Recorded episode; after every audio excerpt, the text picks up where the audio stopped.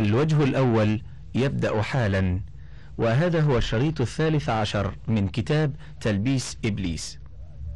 نواصل القراءة في الباب العاشر تلبيسه على الصوفية من جملة الزهاد.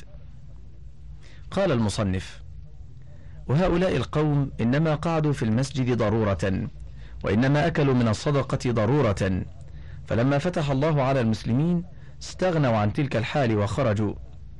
ونسبة الصوفي إلى أهل الصفة غلط لأنه لو كان كذلك لقيل صفي وقد ذهب, وقد ذهب إلى أنه من الصوفانة حاشية نبات عشبي يظهر له زغب يشبه الصوف. انتهى. وهي بقلة رعناء قصيرة فنسبوا إليها لاجتزائهم بنبات الصحراء. وهذا أيضا غلط لأنه لو نسبوا إليها لقيل صوفاني. وقال آخرون هو منسوب إلى صوفة القفا وهي الشعرات النابتة في مؤخره في مؤخره كأن الصوفي عطف به إلى الحق وصرفه عن الخلق. وقال آخرون بل هو منسوب إلى الصوف وهذا محتمل والصحيح الأول. حاشية اختلفت الآراء وتباينت في تحديد أصل كلمة التصوف. وقد عرض ابن الجوزي لأكثرها مرجحا أحدها. والحقيقة أن الخلاف حول أصل هذه الكلمة نقل في العصر الحديث كما كان في القديم. إلا أن بعض القدماء وأكثر المحدثين يذهبون إلى أن كلمة التصوف مشتقة من الصوف فيقال تصوف الرجل إذا لبس الصوف. أما الرأي الذي أخذ به ابن الجوزي فإن الدكتور مصطفى الشكعة يعلق عليه قائلا وهناك من نسب الصوفية إلى العصر الجاهلي وفي مقدمة هؤلاء ابن الجوزي الذي ذهب إلى تبني هذا الرأي رغم جلال علمه وهو رأي يصعب الأخذ به لسذاجته. انظر في تفصيل هذه القضية المراجع التالية. إسلام بلا مذاهب الصفحة الحادية والعشرون والخمسمائة وما بعدها. الدكتور مصطفى الشكعة. الحياة الروحية في الإسلام الصفحة الخامسة والمئة والتاسعة والمئة. الدكتور مصطفى محمد مصطفى حلمي. مدخل إلى التصوف الإسلامي في الصفحة الحادية والعشرين لأبي الوفا التفتزاني. انتهت الحاشية. وهذا الاسم ظهر للقوم قبل سنة مئتين. حاشية؟ يقول الدكتور محمد مصطفى حلمي. اختلفت الآراء وتباينت وجهات النظر حول التاريخ الذي ظهرت فيه كلمة صوفي. ففريق يرى أن هذا الاسم قبل المئتين من الهجرة. وفريق آخر يذهب إلى أنه قد عرف في الملة الإسلامية قبل ذلك. وفريق ثالث يزعم أنه لفظ جاهلي عرفه العرب قبل الإسلام. ومهما يكن من أمر هذا الخلاف فإن أوثق المصادر الصوفية. تظهرنا على أن أول من أطلق عليه اسم الصوفي هو أبو هاشم الكوفي المتوفى سنة خمسين ومائة. الحياة الروحية في الإسلام صفحة الثالثة والمئة والرابعة والمئة وانتهت الحاشية. وهذا الاسم ظهر للقوم قبل سنة مئتين ولما أظهره أوائلهم تكلموا فيه وعبروا عن صفته بعبارات كثيرة وحاصلها أن التصوف عندهم رياضة النفس ومجاهدة الطبع برده عن الأخلاق الرذيلة وحمله على الأخلاق الجميلة من الزهد والحلم والصبر والإخلاص والصدق. إلى غير ذلك من الخصال الحسنة التي تكسب المدائح في الدنيا والثواب في الآخرة. وعن أبي بكر بن المثاقف قال سألت الجنيد بن محمد عن التصوف فقال الخروج عن كل خلق رديء والدخول في كل خلق سني وعن محمد بن خفيف قال قال رويم حاشية هو ابن أحمد ويقال ابن محمد بن رويم بن يزيد. أحد أئمة الصوفية كان عالما بالقرآن ومعانيه وكان يتفقه على مذهب أبي داود الظاهري.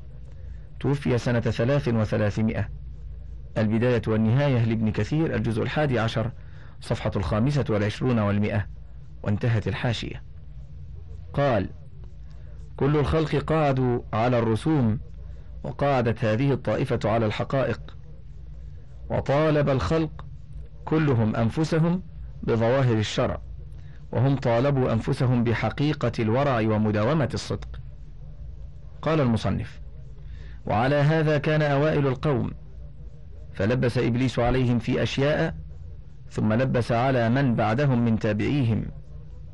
فكلما مضى قرن زاد طمعه في القرن الثاني فزاد تلبيسه عليهم إلى أن تمكن من المتأخرين غاية التمكن. وكان أصل تلبيسه عليهم أنه صدهم عن العلم وأراهم أن المقصود العمل. فلما أطفئ مصباح العلم عندهم تخبطوا في الظلمات. فمنهم من أراه أن المقصود من ذلك ترك الدنيا في الجملة فرفضوا ما يصلح أبدانهم وشبهوا المال بالعقارب. ونسوا أنه خلق للمصالح. وبالغوا في الحمل على النفوس حتى إنه كان فيهم من لا يضطجع. وهؤلاء كانت مقاصدهم حسنة غير أنهم على غير الجادة وفيهم من كان لقلة علمه يعمل بما يقع إليه من الأحاديث الموضوعة وهو لا يدري. ثم جاء أقوام فتكلموا لهم في الجوع والفقر والوساوس والخطرات وصنفوا في ذلك مثل الحارث المحاسبي. وجاء آخرون فهذبوا مذهب التصوف وأفردوه بصفات ميزوه بها من الاختصاص بالمرقعة والسماع والوجد والرقص والتصفيق وتميزوا بزيادة النظافة والطهارة. ثم ما زال الأمر ينمى حاشية نمى الحديث شاع ونمى المال ونحوه زاد ونمى المال زاده وكثره. انتهت الحاشية. ثم ما زال الأمر ينمى والأشياخ يضعون لهم أوضاعا ويتكلمون بواقعاتهم ويتفق بعدهم عن العلماء بل رؤيتهم ما هم فيه أوفى العلوم حتى سموه العلم الباطن وجعلوا علم الشريعة العلم الظاهر. حاشية يصف ابن خلدون المقابلة بين علمي الفقه والتصوف قائلا وصار علم الشريعة على صنفين. صنف مخصوص بالفقهاء وأهل, وأهل الفتية وهي الأحكام العامة في العبادات والعادات والمعاملات. وصنف مخصوص بالقوم أي الصوفية في القيام بهذه المجاهدة ومحاسبة النفس عليها والكلام في الأذواق والمواجد العارضة في طريقها وكيفية الترقي فيها من ذوق إلى ذوق وشرح الاصطلاحات التي تدور بينهم في ذلك. مقدمة ابن خلدون الصفحة الحادية عشرة بعد الأربعمائة والثانية عشرة بعد الأربعمائة. ومعنى هذا أنه أصبح للصوفية علم له موضوعاته ومناهجه وغاياته التي تختلف عن موضوعات الفقه ومناهجه وغاياته على أن هذا التمييز اعتباري ولا خلاف بين العلمين في الحقيقة فأحدهما وهو علم الباطن ثمرة للآخر وهو الظاهر. انظر الحياة الروحية في الصفحة السادسة عشرة بعد المئة والسابعة عشرة بعد المئة ومدخل إلى التصوف في الصفحة السادسة والتسعين والسابعة والتسعين والثامنة والتسعين وانتهت الحاشية.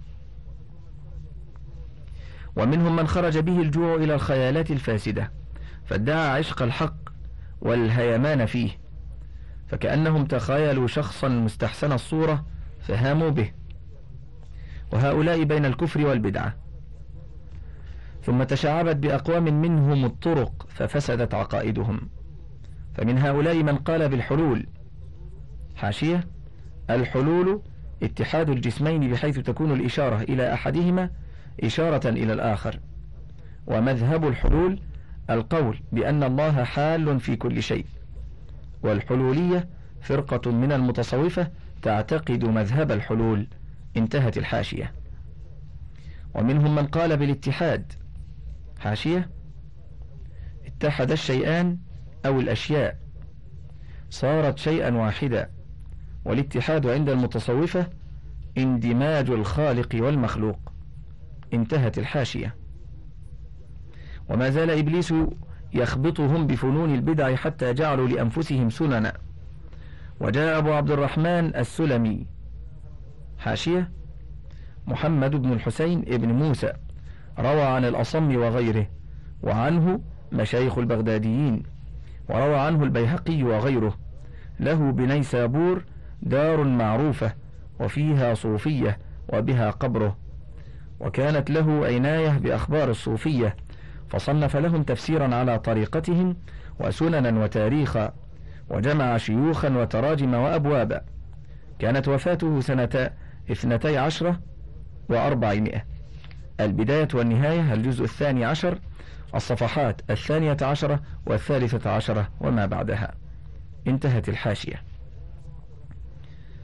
وجاء أبو عبد الرحمن السلمي فصنف لهم كتاب السنن وجمع لهم حقائق التفسير فذكر عنهم فيه العجب في تفسيرهم القرآن بما يقع لهم من غير إسناد ذلك إلى أصل من أصول العلم وإنما حملوه على مذاهبهم.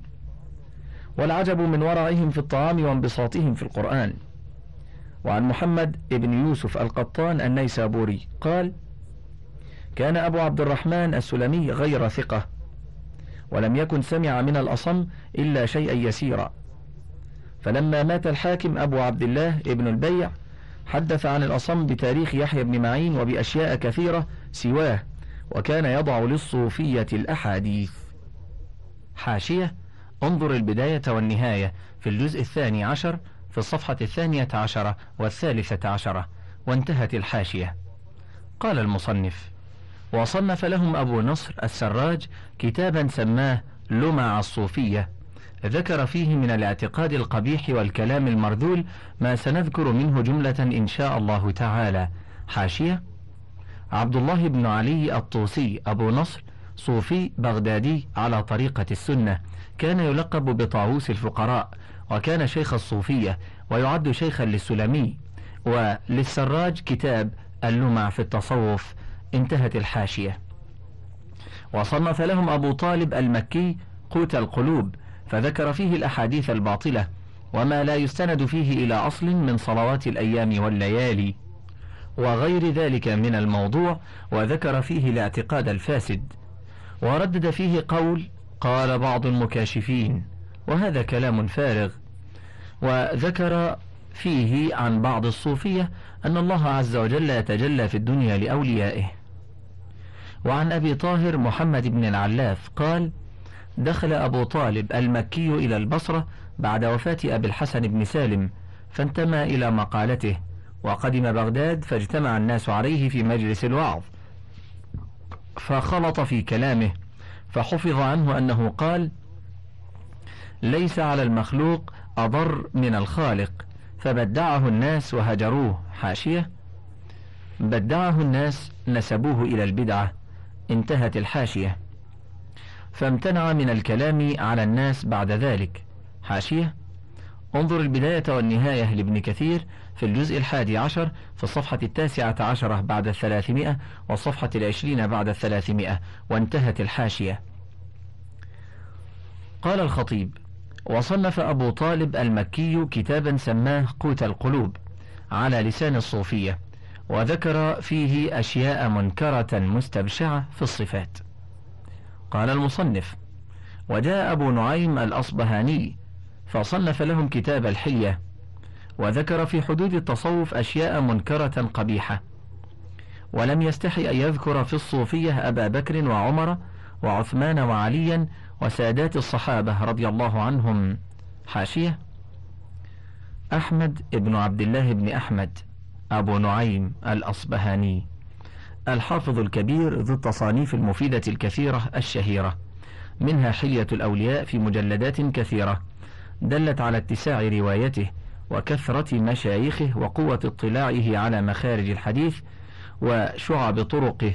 وله معجم الصحابة دلائل النبوة الطب النبوي تاريخ أصبهان. قال ابن الجوزي سمع الكثير وصنف الكثير. وكان يميل إلى مذهب الأشعري في الاعتقاد ميلا كثيرا. توفي سنة ثلاثين وأربعمائة عن أربع وتسعين سنة رحمه الله. البداية والنهاية الجزء الثاني الثاني عشر الصفحة الخامسة والأربعون وانتهت الحاشية. فذكر عنهم فيه العجب وذكر منهم شريحا القاضي والحسن البصري وسفيان الثوري وأحمد بن حنبل. وكذلك ذكر السلمية في طبقات الصوفية والفضيل وإبراهيم ابن أدهم ومعروفا الكرخي وجعلهم من الصوفية بأن أشار إلى أنهم من الزهاد. فالتصوف مذهب معروف يزيد على الزهد ويدل على الفرق بينهما أن الزهد لم يذمه أحد وقد ذم التصوف على ما سيأتي ذكره. حاشية؟ بعد أن استعرض الدكتور محمد مصطفى حلمي مع صاحب عوارف المعارف السهروردي الفرق بين الفقر والزهد والتصوف يقرر في النهاية. أن التصوف أرقى من الفقر والزهد وإن كان منطويا عليهما ومستندا إليهما وأن الفقر والزهد بمثابة المدخل إلى أبواب التصوف أو التمهيد الذي يمهد النفس الإنسانية للتحقق بالأحوال الروحانية المشرقة والنفحات القلبية الصادقة التي هي قوام التصوف وسبيل الصوفي إلى كشف الحقيقة. الحياة الروحية الصفحة الحادية بعد المئة الثانية بعد المئة والثالثة بعد المئة وانتهت الحاشية. وصنف لهم عبد الكريم ابن هوازن القشيري كتاب الرسالة. حاشية أبو القاسم أمه من بني سليم. توفي أبوه وهو طفل فقرأ الأدب والعربية. وصحب الشيخ أبا علي الدقاق وأخذ الفقه عن عن الطوسي وأخذ الكلام عن ابن فورك وصنف الكثير. وله التفسير والرسالة التي ترجم فيها جماعة من المشايخ الصالحين. وكان يعظ الناس. توفي بنيسابور سنة خمس وستين وأربعمائة عن سبعين سنة. البداية والنهاية الجزء الثاني عشر صفحة السابعة بعد المئة وانتهت الحاشية. وصنف لهم عبد الكريم بن هوازن القشيري كتاب الرسالة. فذكر فيها العجائب من الكلام في الفناء والبقاء والقبض والبسط والوقت والحال والوجد والوجود والجمع والتفرقة والصحو والسكر والذوق والشرب والمحو والإثبات والتجلي والمحاضرة والمكاشفة واللوائح والطوالع واللوامع والتكوين والتمكين والشريعة والحقيقة إلى غير ذلك من التخليط الذي ليس بشيء وتفسيره أعجب منه. وجاء محمد بن طاهر المقدسي فصنف لهم صفوة التصوف فذكر فيها فيه أشياء يستحي العقل من ذكرها. سنذكر منها ما يصلح ذكره في مواضعه إن شاء الله تعالى. حاشية؟ ابن علي ابن أحمد أبو الفضل المقدسي الحافظ ولد سنة ثمان وأربعين وأربعمائة وأول سماعه سنة ستين وأربعمائة. سافر في طلب الحديث إلى بلاد كثيرة وسمع كثيرا وكان له معرفة جيدة بهذه الصناعة وصنف كتبا مفيدة غير أنه صنف كتابا في إباحة السماع وفي التصوف وساق فيه أحاديث منكرة كثيرة. وكانت وفاته سنة سبع وخمسمائة. البداية والنهاية الجزء الثاني عشر. الصفحة السادسة والسبعون والمئة والسابعة والسبعون والمئة وانتهت الحاشية. وكان شيخنا أبو الفضل ابن ناصر الحافظ يقول كان ابن طاهر يذهب مذهب الإباحة. قال وصنف كتابا في جواز النظر إلى المرد أورد فيه حكاية عن يحيى بن معين. حاشية. انظر البداية والنهاية لابن كثير في الجزء الثاني عشر في الصفحة السابعة والسبعين والمئة. انتهت. أورد فيه حكاية عن يحيى بن معين قال رأيت جارية بمصر مليحة صلى الله عليها. فقيل له تصلي عليها؟ فقال صلى الله عليها وعلى كل مليح. قال شيخنا ابن ناصر وليس ابن طاهر بمن يحتج به. وجاء أبو حامد الغزالي فصنف لهم كتاب الإحياء على طريقة القوم وملأه بالأحاديث الباطلة وهو لا يعلم بطلانها وتكلم في علم المكاشفة وخرج عن قانون الفقه. حاشية محمد بن محمد بن محمد ولد سنة خمسين وأربعمائة تفقه على يد إمام الحرمين برع في علوم كثيرة. له مصنفات منتشرة في فنون متعددة. فكان من أذكياء العالم في كل ما يتكلم فيه. ساد في شبيبته حتى إنه درس بالنظامية ببغداد في سنة أربع وثمانين وأربعمائة. فحضر عنده رؤوس العلماء. ثم إنه خرج عن الدنيا وأقبل على العبادة ورحل إلى الشام فأقام بها مدة وصنف في هذه المدة الإحياء. مع ما يشتمل عليه من مزايا فإنه قد اشتمل على أحاديث كثيرة غرائب ومنكرات وموضوعات. وقد شنع عليه ابن الجوزي وابن صلاح في ذلك تشنيعا كثيرا وصنف ابن الجوزي كتابا على الإحياء سماه علوم الأحياء بأغاليط الإحياء. ويقال إنه في آخر حياته عاد إلى بلده طوس فأقام بها حتى مات سنة خمس وخمسمائة. البداية والنهاية الجزء الثاني عشر صفحة الثالثة والسبعون والمئة والرابعة والسبعون والمئة وانتهت الحاشية. وجاء أبو حامد الغزالي فصنف لهم كتاب الإحياء على طريقة القوم وملأه بالأحاديث الباطلة وهو لا يعلم بطلانها. وتكلم في علم المكاشفة وخرج عن قانون الفقه وقال إن المراد بالكوكب والشمس والقمر اللواتي رآهن إبراهيم. صلوات الله عليه أنوار هي حجب الله عز وجل ولم يرد هذه المعروفات. وهذا من جنس كلام الباطنية. وقال في كتابه المفصح بالأحوال إن الصوفية في يقظتهم يشاهدون الملائكة وأرواح الأنبياء ويسمعون منهم أصواتا ويقتبسون منهم فوائد ثم يترقى الحال من مشاهدة الصورة إلى درجات يضيق عنها نطاق النطق. قال المصنف. وكان السبب في تصنيف هؤلاء مثل هذه الأشياء قلة علمهم بالسنن والإسلام والآثار وإقبالهم على ما استحسنوه من طريقة القوم.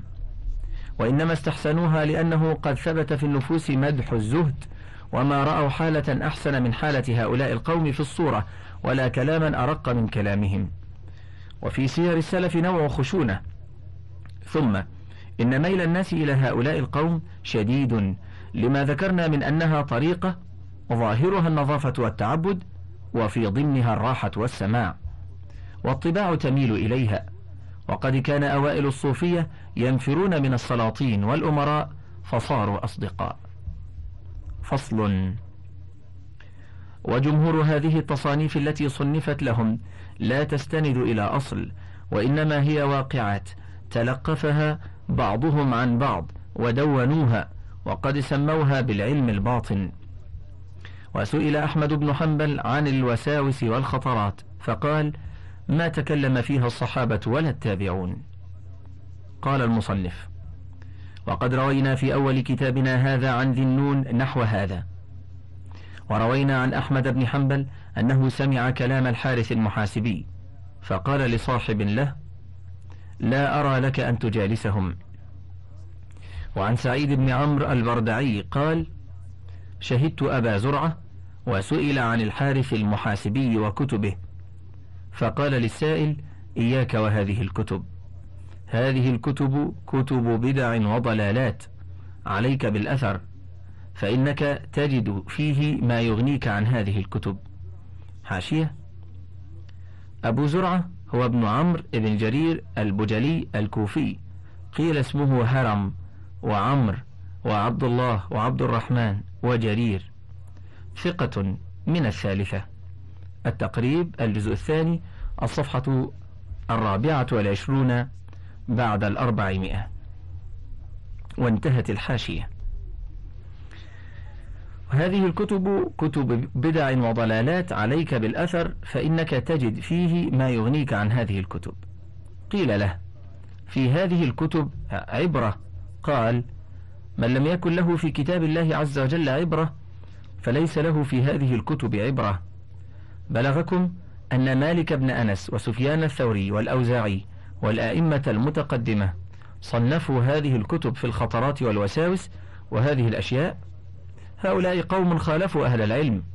يأتوننا مرة بالحارث المحاسبي ومرة بعبد الرحيم الدبيلي ومرة بحاتم الأصم ومرة بشقيق. ثم قال ما أسرع الناس إلى البدع وعن أبي عبد الرحمن السلمي قال أول من تكلم في بلدته في ترتيب الأحوال ومقامات أهل الولاية ذنون المصري. حاشية الأحوال جمع حال. وهو ما يدخل قلب السالك دون اختيار أو تعمد أو جلب أو اكتساب. وقيل إن معنى الأحوال ما يحل بالقلوب أو تحل به القلوب.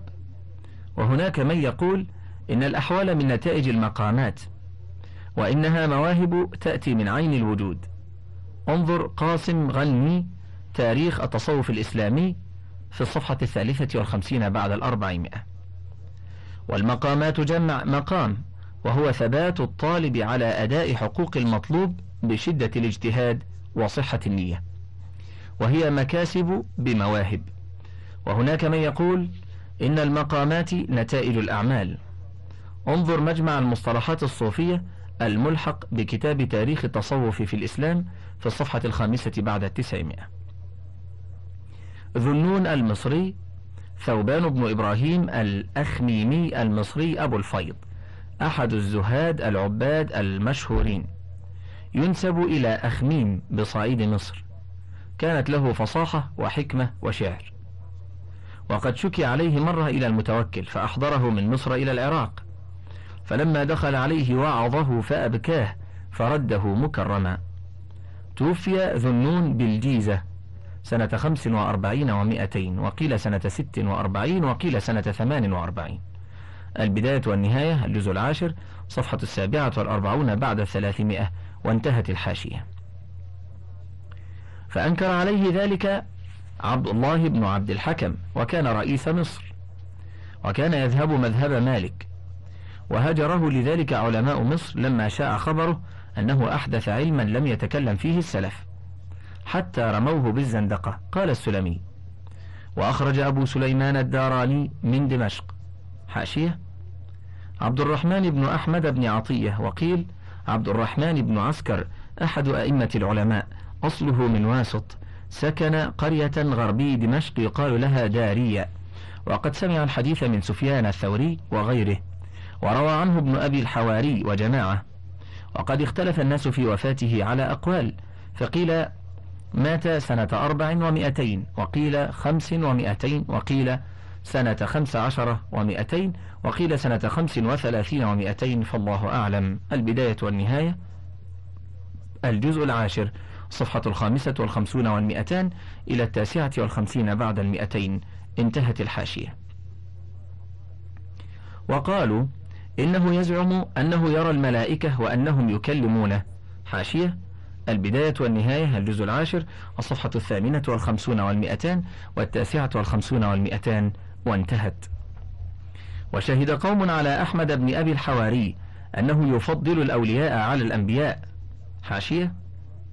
أحمد بن عبد الله بن ميمون بن العباس ابن الحارث التغلبي أبو الحسن ابن أبي الحواري. ثقة زاهد من العاشرة مات سنة ست وأربعين ومائتين. التقريب الجزء الأول صفحة الثامنة عشرة. البداية والنهاية. الجزء العاشر الصفحة الثامنة والأربعون والثلاثمائة والتاسعة والأربعون والثلاثمائة وانتهت الحاشية. وشهد قوم على أحمد بن أبي الحواري أنه يفضل الأولياء على الأنبياء فهرب من دمشق إلى مكة. وأنكر أهل بسطام على أبي يزيد البسطامي ما كان يقول حتى إنه ذكر للحسين بن عيسى أنه يقول لي معراج كما كان للنبي صلى الله عليه وسلم معراج فأخرجوه من بسطام. حاشية؟ بسطام بلدة كبيرة على جادة الطريق إلى نيسابور وهي ذات أسواق إلا أن أبنيتها مقتصدة ليست من أبنية الأغنياء. وكان فتحها في عهد عمر على يد نعيم بن مقرن بالمصالحة. معجم البلدان الجزء الثاني الصفحة الثمانون والمئة والحادية والثمانون والمئة. وانتهت الحاشية. وأقام بمكة سنتين ثم رجع إلى جرجان فأقام بها إلى أن مات الحسين بن عيسى ثم رجع إلى بسطام. قال السلمي وحكى رجل عن سهل بن عبد الله التستري أنه يقول إن الملائكة والجن والشياطين يحضرونه وإنه يتكلم عليهم فأنكر ذلك عليه العوام حتى نسبوه إلى القبائح فخرج إلى البصرة فمات بها. انتهى الوجه الأول. فضلا اقلب الشريط.